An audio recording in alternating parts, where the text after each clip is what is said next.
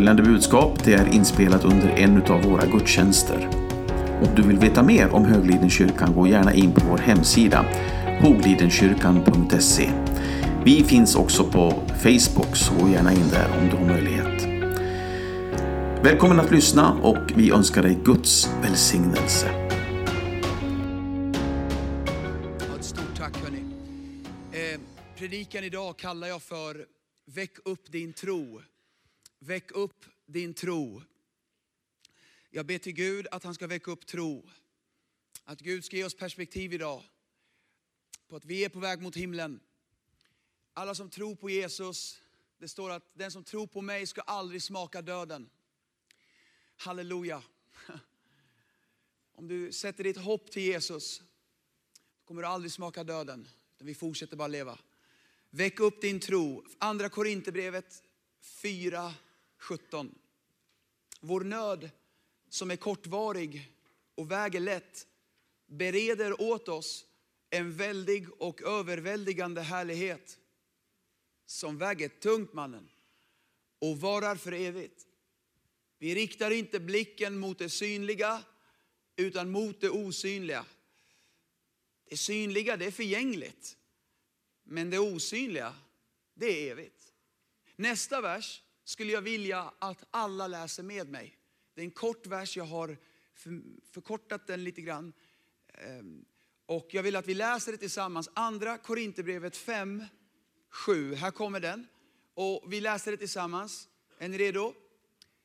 Vi lever här i tro utan att se. Vi säger det en gång till. Vi lever här i tro utan att se.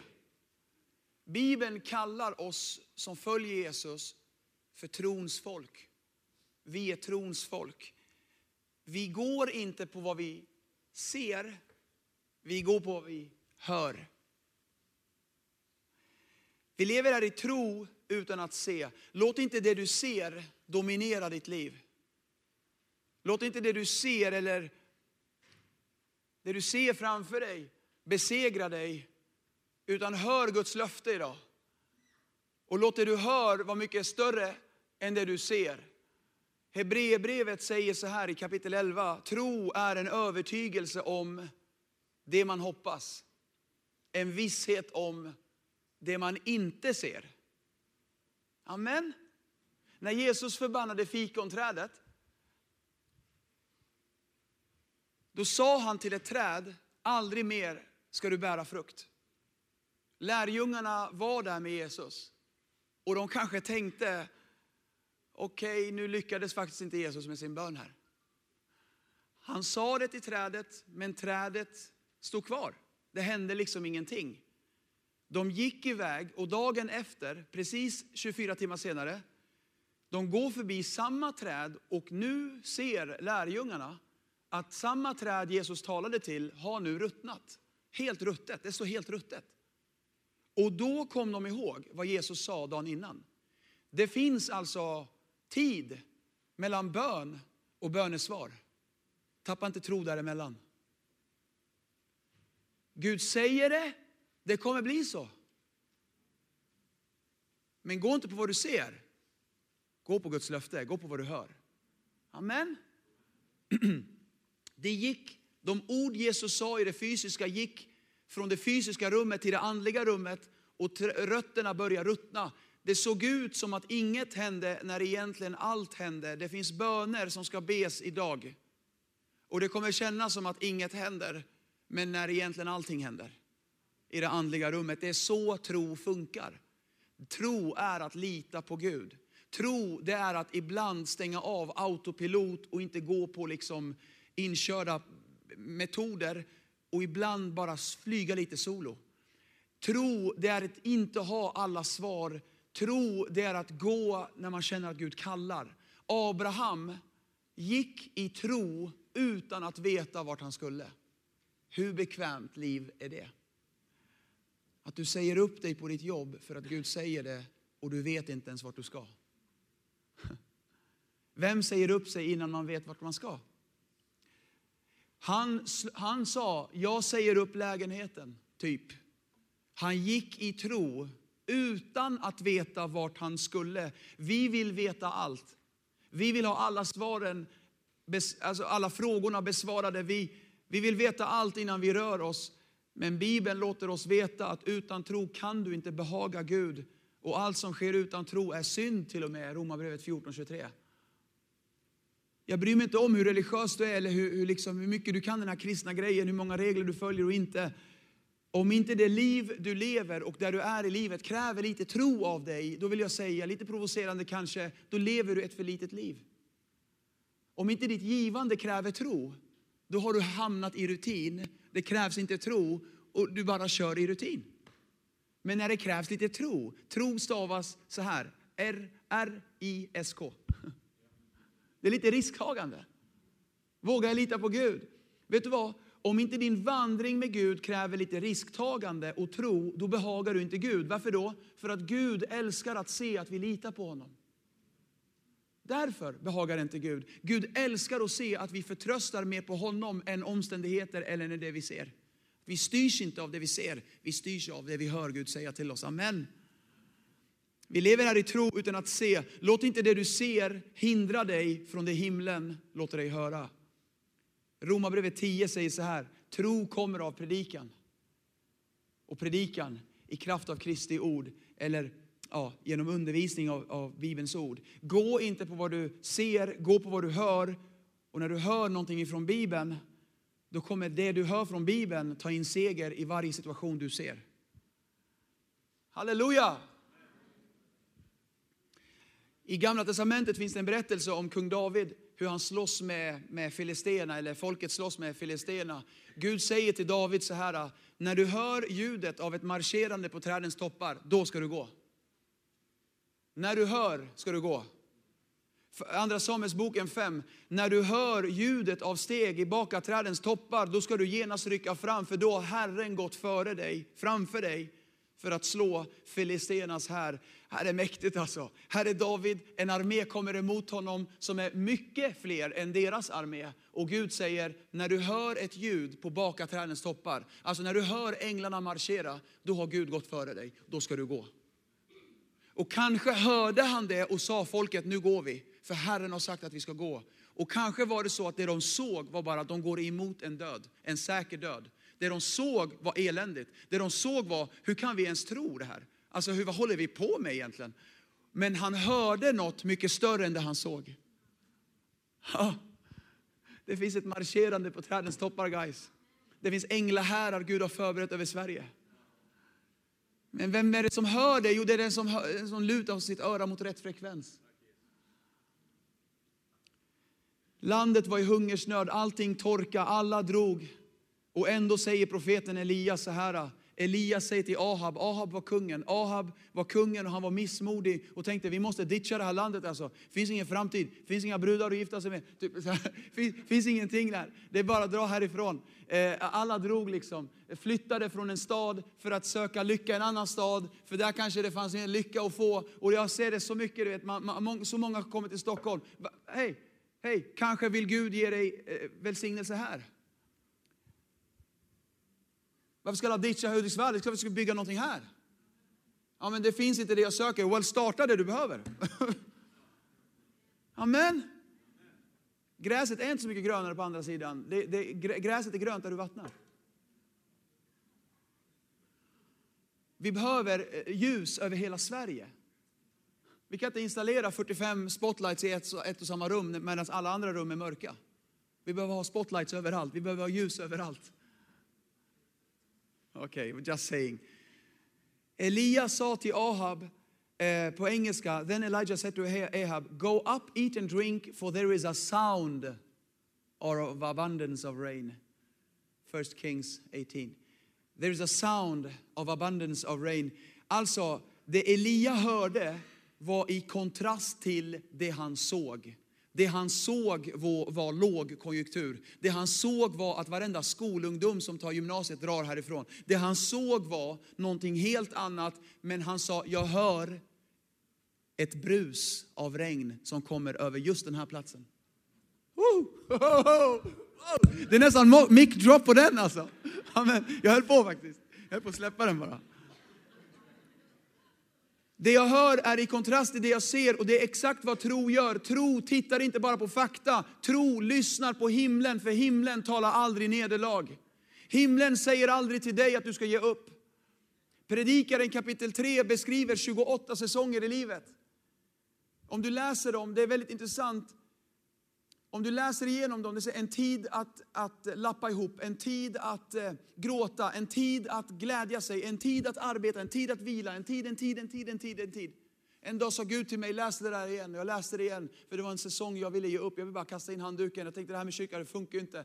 Eh, och jag ville bara ge upp. Jag tyckte inte det gav. Så, alltså, jag bara orkar inte liksom. Och, eh, Eh, Eh, och då säger Gud då så här, läs det igen. Jag läste predikaren tre, jag läste det igen. Och så säger han, läs det igen. Jag läste det igen en tredje gång. Och så, och så bara, okej.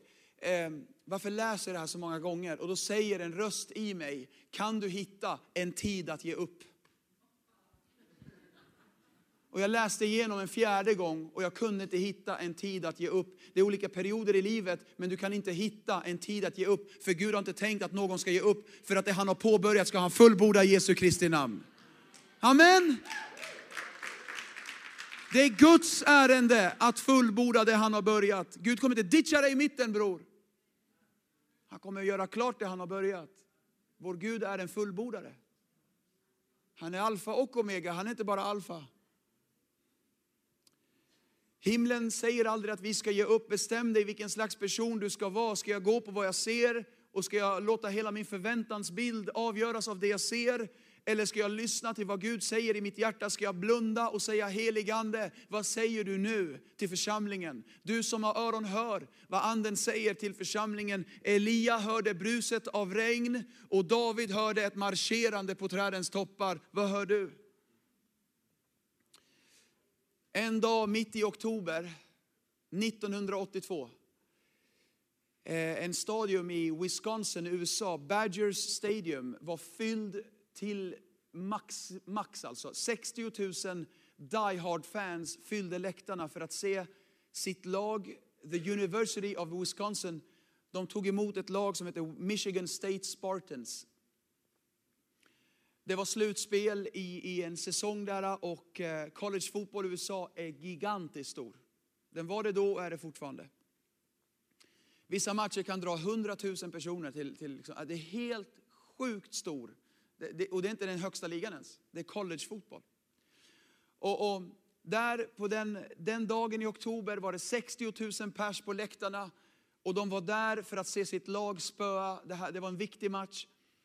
Och även fast de hade fördelen av hemmaplan och hemmapublik så var det väldigt tydligt att bortalaget var mycket bättre. Michigan var bättre. Michigan vann, eh, höll på att vinna matchen. Och eh, de hade ett bättre lag och de var piggare på något sätt och de läste spelet bättre. Och, och det tog bara några minuter förrän de bortalaget ledde och man kunde se, liksom, man hörde i mm, läktarna var tystare och tystare och man var missmodig, folk började gå hem.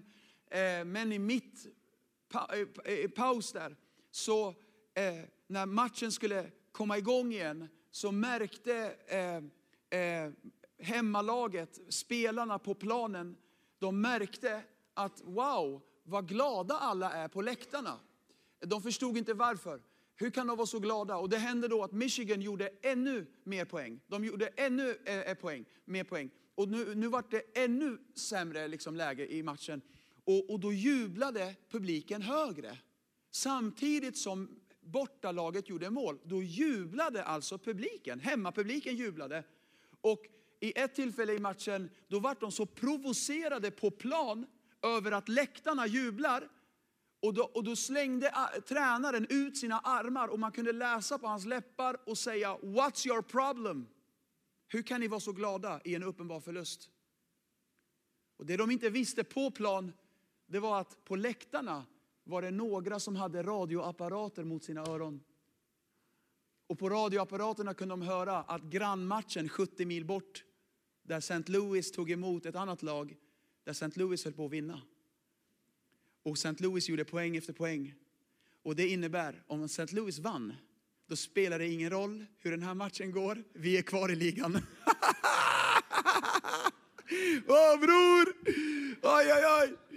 Vilken kontrast, eller hur? Att jubla i en, i en uppenbar förlust. Men lyssna, de gensvarade inte till det de såg.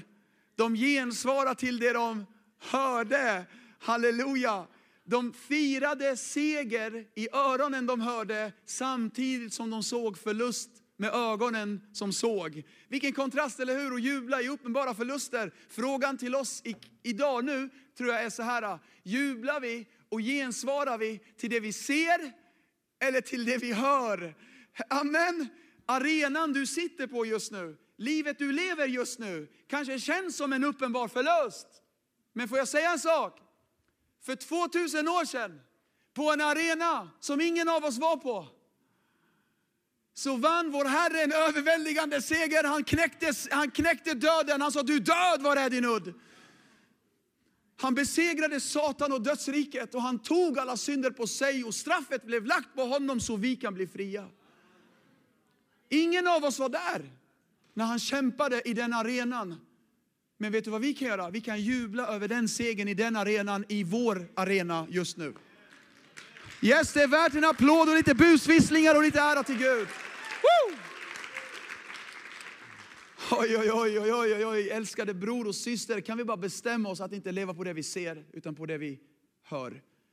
En människa ska inte leva av bröd, utan av varje ord som Fadern talar, säger Jesus. Tro kommer av hörande. Vi går i tro utan att se. Det är saligare att tro innan man ser. Därför kan du vara uppe i en värld som är nere. Därför kan du se nederlag i den här arenan, i din pågående relation i livet. Men du kan höra en seger i en annan arena där Jesus vann en överväldigande seger. Det spelar faktiskt ingen roll om du vinner eller förlorar min vän. Om du lyckas med kallelsen eller inte. Om du lyckas med äktenskapet eller inte. Vet du vad? Det blir bra. Det blir bra. At the end of the day, vår Herre kommer komma tillbaka och han kommer triumfera. Och han kommer med sin muns andedräkt dräpa Antikrist. Oj, oj, han kommer svinga med sitt svärd och skilja agnarna från vetet och han kommer hämta hem sin kyrka. Och vi kommer ryckas upp i ett ögonblick och vi ska fira bröllop med lammet i sju år. Och på de sju åren är det eländigt på jorden. Men sen kommer vi tillbaka för att regera jorden i tusen år. Och då ska han visa vart skåpet ska stå. Han själv ska regera den här jorden i tusen år. Och sen ska vi hem. Halleluja. Halleluja. Det är det som väntar mina vänner. Det kommer bli bra. Det kommer bli bra. Det kommer bli bra. Vi har nyheter från en annan arena som säger att Gud är trofast. Gud, han sviker inte. Gud förlåter. Gud är inte nervös när ondskan tilltar.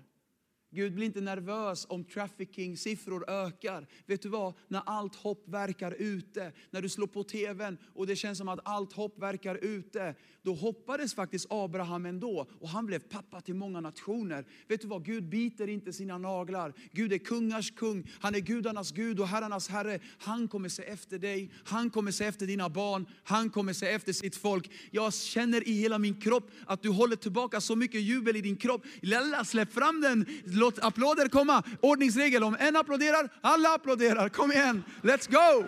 Let's go! Om du är ny i kyrkan här idag och undrar hur kan de vara så glada? Vet du vad? Det är för att vi responderar till saker vi hör i Bibeln. Löften vi vet Gud har sagt till oss, inte till det vi ser. Halleluja. Vet du, ibland när jag, när jag liksom sjunger lovsång så behöver jag blunda för att när jag blundar då, då förstärks min hörsel. När jag blundar och tillber, då, då, då bara låter jag Gud tala till mig. Jag vill inte titta på omständigheter, jag tunar in mot en annan frekvens som är högre för att jag vill höra himlen tala till mig. Du vet, i en arena full av eh, dåliga rapporter så hör jag segerrapporter från en helt annan arena. Kyrkan är platsen där vi tunar in den rösten. Kyrkan är platsen där innerlig glädje borde finnas. Och folk undrar i en mörk värld, i en missmodig tid, hur kan ni vara så glada? Hur kan du vara så glad? Jo, förstår du, jag har rattat in frekvensen från en helt annan arena. Och jag vill bara säga, det kommer bli bra. Amen. Amen. Oj, nya lagar stiftas mot oss just nu. Oj, krisrapporter. Oj, splittring. Förlust efter förlust. Ska de gå efter våra skolor också nu? Ju mer anti-Gud det här samhället blir, ju mer anti-bibel det blir, desto mer ska kyrkan jubla. Ja, ja, det är okej, det är okej. Det är okej att vara glad och jubla. Låt inte det som sker i den här arenan, i din arena, i ditt äktenskap eller med barnen eller vad det än är, i ditt, på din arbetsplats. Låt inte det knäcka dig, utan glädje i Herren är vår starkhet. Låt det kontrollera din själ. Jag hör att Jesus kommer tillbaka. Vet du om att Jesus kommer tillbaka, det är ett huvudämne i Nya Testamentet. 2143 gånger nämner Bibeln att Jesus kommer komma tillbaka.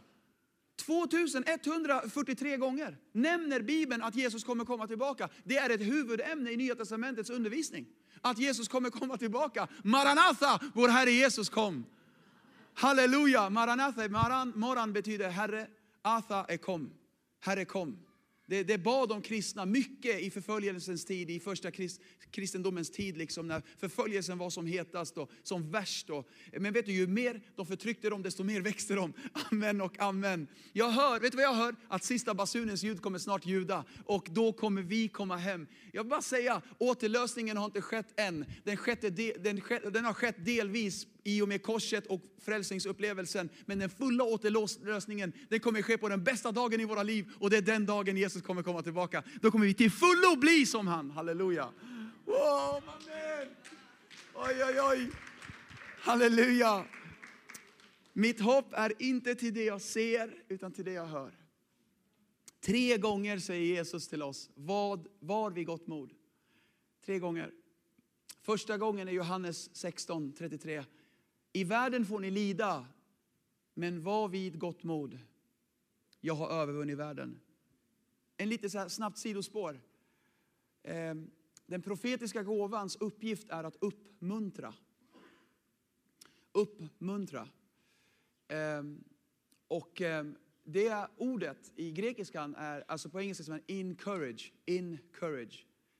Eh, I grekiskan är det att lägga in mod den profetiska gåvans uppgift är att lägga in mod. Lägga in mod i ditt hjärta. Mod. Och det Gud vill göra nu, han vill lägga in mod i dig. Hur då? Genom att Jesus säger till oss tre gånger, var vid gott mod. Tre gånger. I den här världen får du lida, men låt mig lägga in lite mod i dig. Varför då? För jag har övervunnit den här världen. Med andra ord så här, att Jesus övervann världen, det säger oss att det spelar ingen roll hur det, vad som händer i din lilla arena. Det spelar ingen roll om du håller på att förlora i din lilla arena. Gud kommer låta dig vinna i din lilla arena också. Men jag vill bara säga, det spelar ingen roll. Vår glädje är inte baserad på för eller emot. Vår glädje är baserad i en person. Vi söker inte helande, vi söker helaren. Vi söker inte liksom ett mirakel, vi söker mirakelgöraren. Vi söker inte ett bönesvar, vi söker han som ger bönesvar. Vi söker personen, inte det personen kan ge oss. Vårt mod är i honom. Vi, vi får mod när vi tittar in i hans ögon. Han har övervunnit världen. Det betyder han har vunnit i hela Om du förlorar hela säsongen, det spelar ingen roll. Han har vunnit hela ligan ändå, det spelar ingen roll. Du kommer, det kommer ändå bli bra. Du kommer ändå bli eleverad. Amen ser ut som att du har förlorat i din arena, men vet du, Jesus har vunnit över hela serie, serieligan. Liksom. Så genom tro, genom dopet i Kristus i vatten, är nu han i mig och jag i honom. At the end of the day there is victory. Nästa gång Jesus säger var vi gott mod är i Matteus 9. Han säger det här, jag älskar det här. Var vi gott mod mitt barn, dina synder är förlåtna. Underbart, eller hur? Ibland ska vi inte bara fira vi ska inte bara fira vad, vad vi har, vi ska också fira vad vi har blivit av med. Du har blivit av med skuld. Du har blivit av med synd. Du har blivit av med skam. Du har blivit av med missmod, ångest. Du har blivit av med varenda synd. Gud har satt dig fri. Kan vi inte bara ta en så kort paus på tre sekunder nu och bara ära och tacka Gud. Där du så bara tacka Jesus. Tacka Jesus. Bara bara säg tack Jesus att du har förlåtit min synd. Tack Jesus att du har gjort mig av med all skam, skuld, synd och vi borde jubla över det. Du har blivit av med ditt igår, ditt beroende. Du har blivit född på nytt. Det gamla är förbi. Se någonting nytt har kommit. Dina synder är förlåtna. Var vid gott mod, mitt barn. Amen. Tredje och sista Jesus säger, var vid gott mod. Eh, det här är egentligen på engelska, men jag översatte fritt till svenskan. Exakt. Eh, tre, K, så är det K, ah, just, ah, KTV, King Tilles version. Det finns inte. Det, ah, det är min version alltså. Jag översatte direkt från svenska till, till engelska. Men genast sade Jesus till dem, var vid gott mod, be of good faith, be of good courage. Var vid gott mod, det är jag, var inte rädd. För ja, några månader sedan så vaknade jag en natt av att min dotter skriker. Eh, nedervåningen, min tolvåring. Hon bara skriker liksom. Hon hade en mardröm. Och eh, jag springer ner eh, för att liksom eh, trösta henne. Och jag skriker, det är hysteriskt. Det är, du vet, höga skrik, man får ju panik liksom. Och, och så skriks det då. Och jag går ner till rummet och jag försöker leta efter lampknappen. Jag trycker på lampknappen men lampknappen tänds, det tänds inte. Och jag fattar att det, inget funkar, inga lampor funkar. Vad, vad, vad, vad har hänt? Och proppgott eller vad har hänt? Senare fick jag veta på morgonen, det var elavbrott i hela området. Så det, elen funkade inte alls. Eh, men hur som helst, där och då fick jag inte fram ljus. Och det var mörkt i rummet och ni vet ju hur mörker gör. Fantasierna drar iväg och när man har mardrömmar. Och hon var bara i sin dröm på något sätt. Så sitter i sängen och är livrädd. Nå, någon ska ta mig pappa, någon ska ta mig, skriker hon. Och då går jag bara fram, jag, Habibi, jag hittar inte lampknappen och så tar jag hennes hand. Det första hon gör, hon börjar slå på mig för hon trodde att jag var någon, någon fiende eller någonting. Så bara håller jag henne och så hör, och säger Habibi, det är, ba, det är Baba, det är jag, det är jag.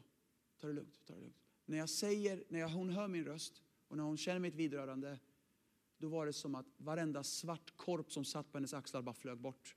Oron försvann, det blev lugnt, hon lugnade sig. Jag, och jag kramade henne ett tag. Så jag är här med dig, jag kommer aldrig lämna dig. Och Gud kommer aldrig lämna dig. Så här. När hon hörde min röst blev hon lugn. Jag vill bara säga, du kanske befinner dig i en mardröm. Men Jesus kommer och säger så här, hej, var vid gott mod. Det är jag. Han skickar inte en ängel, han kommer själv. Han skickar inte en tjänare, han kommer själv. Pappa kommer själv. För att trösta dig, säga, vet du vad, det är jag. Ser det ut som att du förlorar? Vet du vad, jag är här med dig. Låt mig bara säga, det kommer gå bra. Jag har övervunnit hela världen. Och när du hör hans röst och när du känner hans tröst, då blir du lugn i din själ. Amen. Så som min dotter blev. Du kan vara i en storm, men var vid gott mod, ty det är jag som kommer till dig. Han går på havets vågor.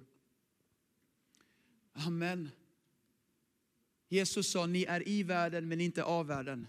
Vi är i den här arenan i Sverige just nu när vi lever. Vi ser saker som är tunga. Du ser ditt barn kämpa med droger, ditt äktenskap i problem. Du ser kontot sakna täckning. Och jag vill inte vara okänslig när jag drar de här grejerna. Men Jesus sa, ni är inte av den här världen. Ni är inte av den här världen guys. Ja men det är det jag ser. Men det jag hör, vet du det jag hör? Det jag hör är femte Mosebok 28. Välsignade jag i staden och välsignade jag i landet. Det är så trons folk gör. De ser förlust men hör seger. Amen. De ser missmod men hör våran Herre säga var vi gott mod. Ah, vad snackar du om Vad har vi gått mot? Alla jag såg den bilden du kom med idag. Du ser verkligen inte välsignad ut. Du bara skramlar på vägen hit. Du ser inte så välsignad ut. Du säger att du är välsignad, du är inte så välsignad. Kolla hur det ser ut för dig, kolla ditt konto. Vet du vad? Ja, det kanske ser på det som är temporärt. Men låt mig bara berätta för dig hur det kommer bli i det permanenta. Där kommer jag ha en herrgård. Amen. Amen. Oj, oj, oj. Jag ser en sak, jag hör en annan. Det jag hör är Jesaja 53, att jag är helad genom hans sår. Jag hör Johannes 8.31, ett löfte att den sonen gör fri är verkligen fri. Inte låtsas fri, utan verkligen, verkligen fri. Jag hör Romarbrevet 8, att i allt detta vinner vi en överväldigande seger genom Jesus Kristus som har gett sitt liv för oss. Amen. Ni behöver inte vara så golfapplåder, utan ska vi applådera, då gör vi det ordentligt! Amen. Bror. Om du har nyligen begravt någon vill jag bara säga, Det jag hör är det här. Ain't no grave gonna hold me back. Han övervann döden. Det jag hör är det här över Sverige. Och det ska ske på de sista dagarna. Säger Herren Gud. Jag ska utgjuta min ande över allt kött. Huh. Era söner och döttrar ska profetera. Era unga män ska se syner och era gamla ska ha drömmar. Amen. Vill du få lite mod idag?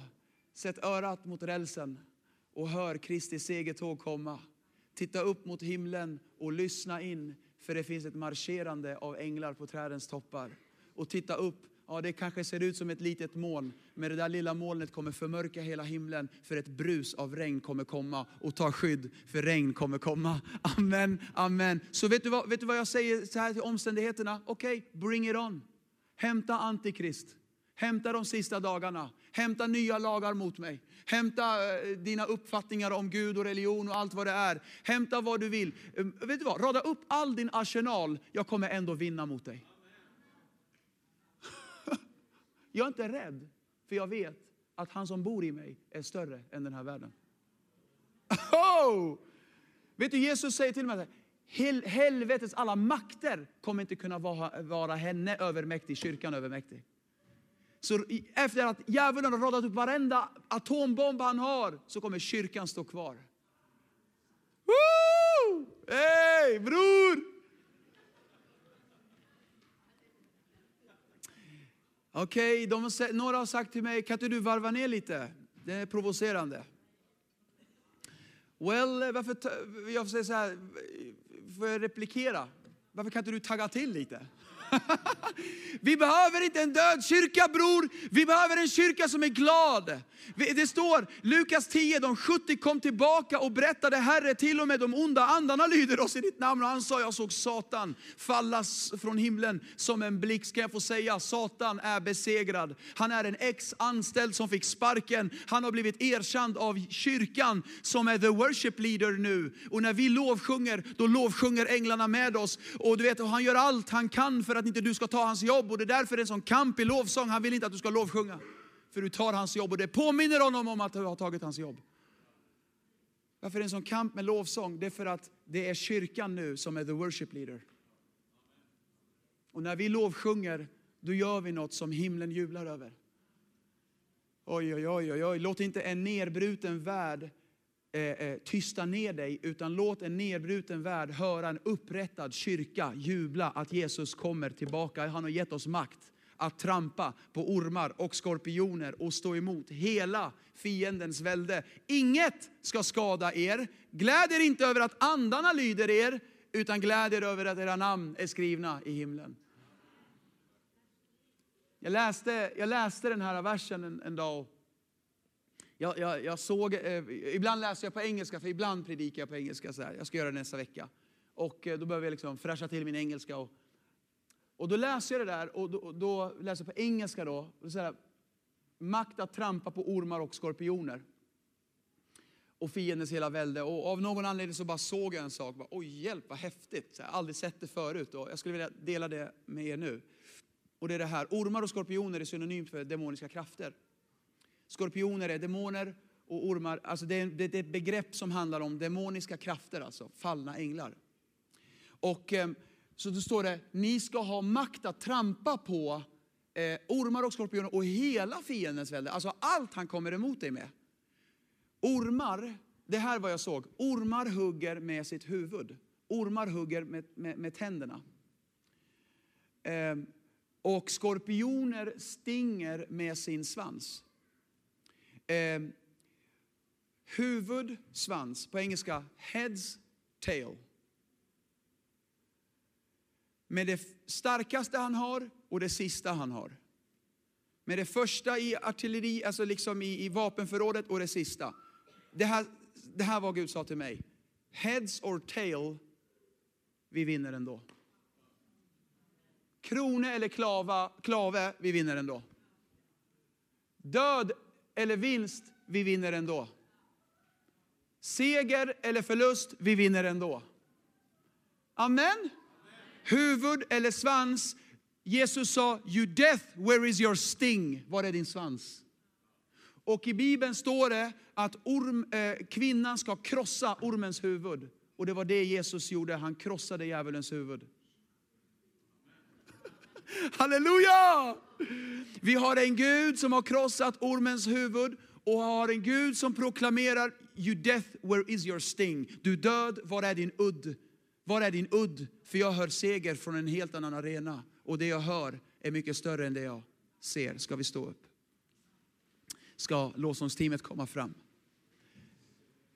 Så snälla mina vänner här i kyrkan idag. Bror och syster. Var inte kvar i missmod, utan låt Gud lägga in mod i dig den här morgonen. Tappa inte ditt hjärta när du tittar på omständigheter. Hör något större än det du ser. Hör något större än det du ser. Jag vill avsluta med att göra en inbjudan för dig att ge ditt liv till Jesus Kristus. Det är den absolut viktigaste frågan. I fredags kväll så gjorde jag en frälsningsinbjudan som gav, jag vet inte om det var 20 personer kanske, som räckte upp, 15, som räckte upp sin hand. Det är ursäkta. Men eh, jag delade den här berättelsen och jag skulle vilja dela den nu för jag läste en vers som påminde mig om det nu. Och det var det här, eh, gläd er mer över att era namn är skrivna i Livets bok. Gläd er mer över att era namn är skrivna i Livets bok. För tre veckor sedan typ var jag på Sypen. Eh, jag var på Sypen och skulle undervisa i en bibelskola. Det var bara tre dagars liksom, blixtvisit. Vem, vem flyger till Sypen en måndag och ska hem på en torsdag? Liksom, så här. Eh, men ja, det fick jag förmånen att göra då. Eh, och jag var lite stressad. Jag hade varit, jag vet inte, ja, tre kyrkor tror jag söndagen innan. Så när jag kom hem var jag helt död. Liksom. Så jag bara packade i all stress och bara drar och jag skulle mellanlanda i Österrike då. Så jag, jag flyger från Arlanda till Österrike och Österrike till eh, Larnaca, alltså Cypern.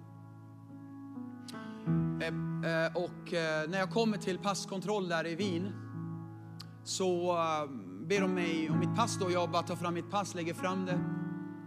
Eh, och jag ser att damen bakom disk liksom tittar mot skärmen på, på ett frågande sätt i ansiktet. Liksom. Jag visste inte, jag förstod att någonting var problem och jag började liksom känna oro liksom. För jag hade gett, det var tight med tid, jag behövde ta connection flight, alltså det var bara en halvtimme mellan, jättestressigt. Um, och um, när jag är där då så tittar hon så bara, sorry, is, is there a problem? Då tittar hon och ler och, och, typ med blicken typ sa så här, vad trodde du typ? Jag var what? Eh, och så lyfter hon mitt pass då och då ser jag jag har tagit med mig fel pass. Jag tog med mig min grabbs pass. Nej, det var ju, jag vet, jag kan inte ens beskriva den ångest som sköljde över mig. Jag fick en sån ångest. Jag böjde mig ner och jag på riktigt trodde jag skulle kräkas. För jag visste, jag har inte med mig ett annat pass. Och så bara, just det, de kollar ju inte mitt pass i, på Arlanda. Ja, det är ju inom EU får man ju flyga liksom.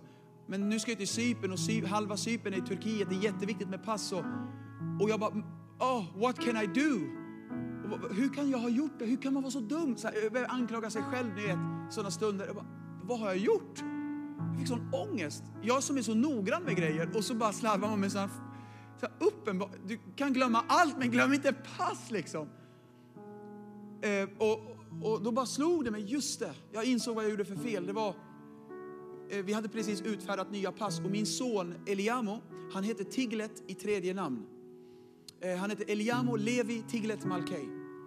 Och eh, det, eftersom han har tre namn då så var det som två rader och etiketten på baksidan stod det hans namn. Och jag tittade aldrig på insidan, det enda jag såg var på nedre raden stod det Tiglet Malkei. Så jag tog det passet utan att titta på insidan och jag gick, ja, jag bara lagade i väskan, alltså jag tittade inte ens. För jag antog att det var mitt då ja, så, så är jag där då och ska liksom lösa det här nu. Och jag bara, ja, mitt plan går om 20 minuter. Alltså, jag måste flyga. Please, what can I do? Sorry sir, we can't let you through. You have to have your passport. Alltså jag fick sån ångest. Jag bara, eh, jag har mitt körkort med mig. Jag visar mitt körkort. Sorry, ditt körkort hjälper inte i det här läget. har du ett internationellt ID? Jag bara, vad är det? Eh, ID eller? Alltså, nej, vem har ID förresten? Och så här, och, och, jag hade inte jag. Men så sa jag till honom, men please, it's my son. Det är min son liksom. Men det gick inte. Det gick inte. Och, och du måste ha ditt pass liksom. Ja, jag satte mig ner och då fick andra gå igenom. Jag, bara, så jag, jag, jag kommer missa mitt flyg. Och så gick alla möjliga tankar i huvudet. Vad kommer det här kosta? Är jag fast nu? Måste jag flyga hem nu? Måste jag ringa dem och säga vad som har hänt? Hur kan man vara så dum? Eh, vågar jag ens ringa min fru och förklara? Hon kommer bli pissed off på mig. Alltså så här, det är så mycket så här, ah, tankar som gick i huvudet. Och självklart blev inte hon arg eller så, men det var ju bara tankar.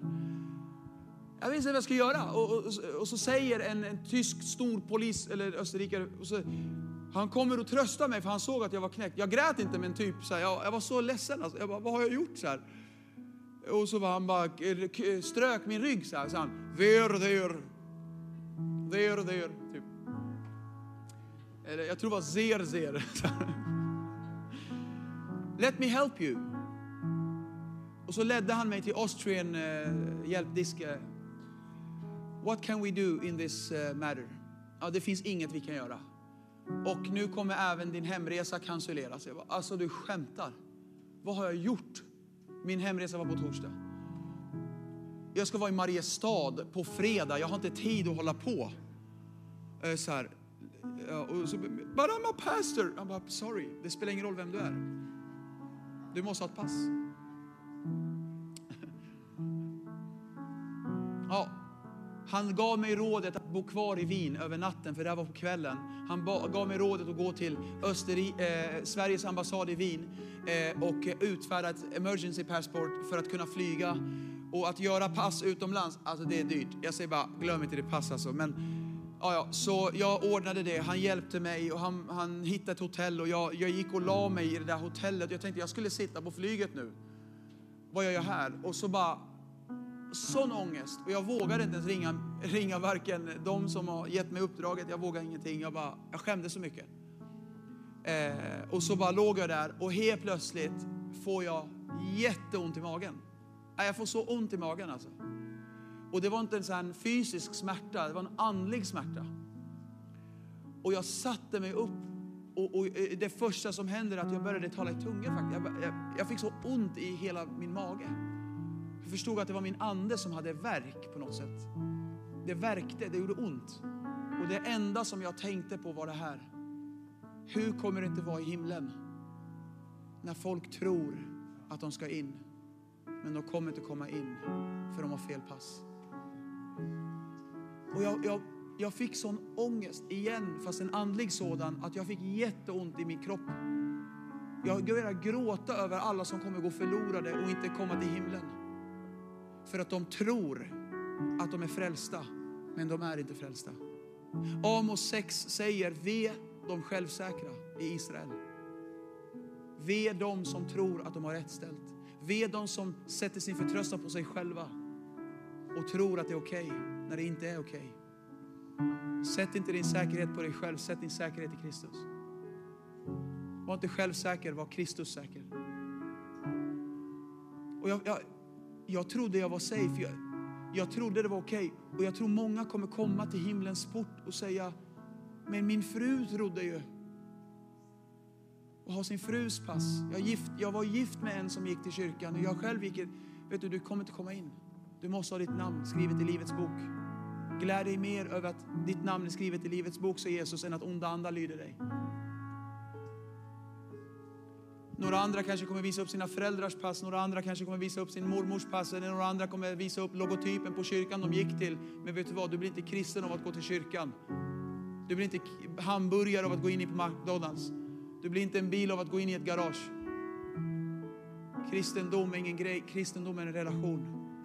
Det är ett ja, ett personligt ja till frälsaren. Och jag fick så ont i magen och vet du vad jag gjorde? Dagen efter fixade jag ett provisoriskt pass och jag flög dagen efter. Och det löste sig. Och jag tänkte så här, om man har tappat sitt pass då, då finns det en ambassad som kan utfärda ett emergency passport. Du kan få tillbaka ett pass. Om du aldrig har sagt ja till Jesus, då behöver du säga ja, för du kommer inte komma in i himlen utan pass. Vad är det som skriver våra namn i Livets bok? Det är ett ja på jorden till Jesus här. Helvetet är inte förberett för en enda människa. Helvetet är förberett för demonerna och Satan. Men Jesaja 5 säger att helvetet har behövt utvidga sitt område. Varför då? För fler ska dit.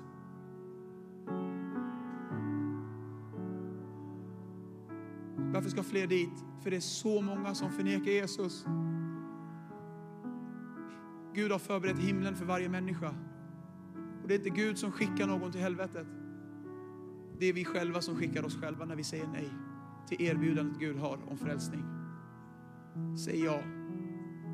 Just nu är ambassaden i himlen öppen för att utfärda pass.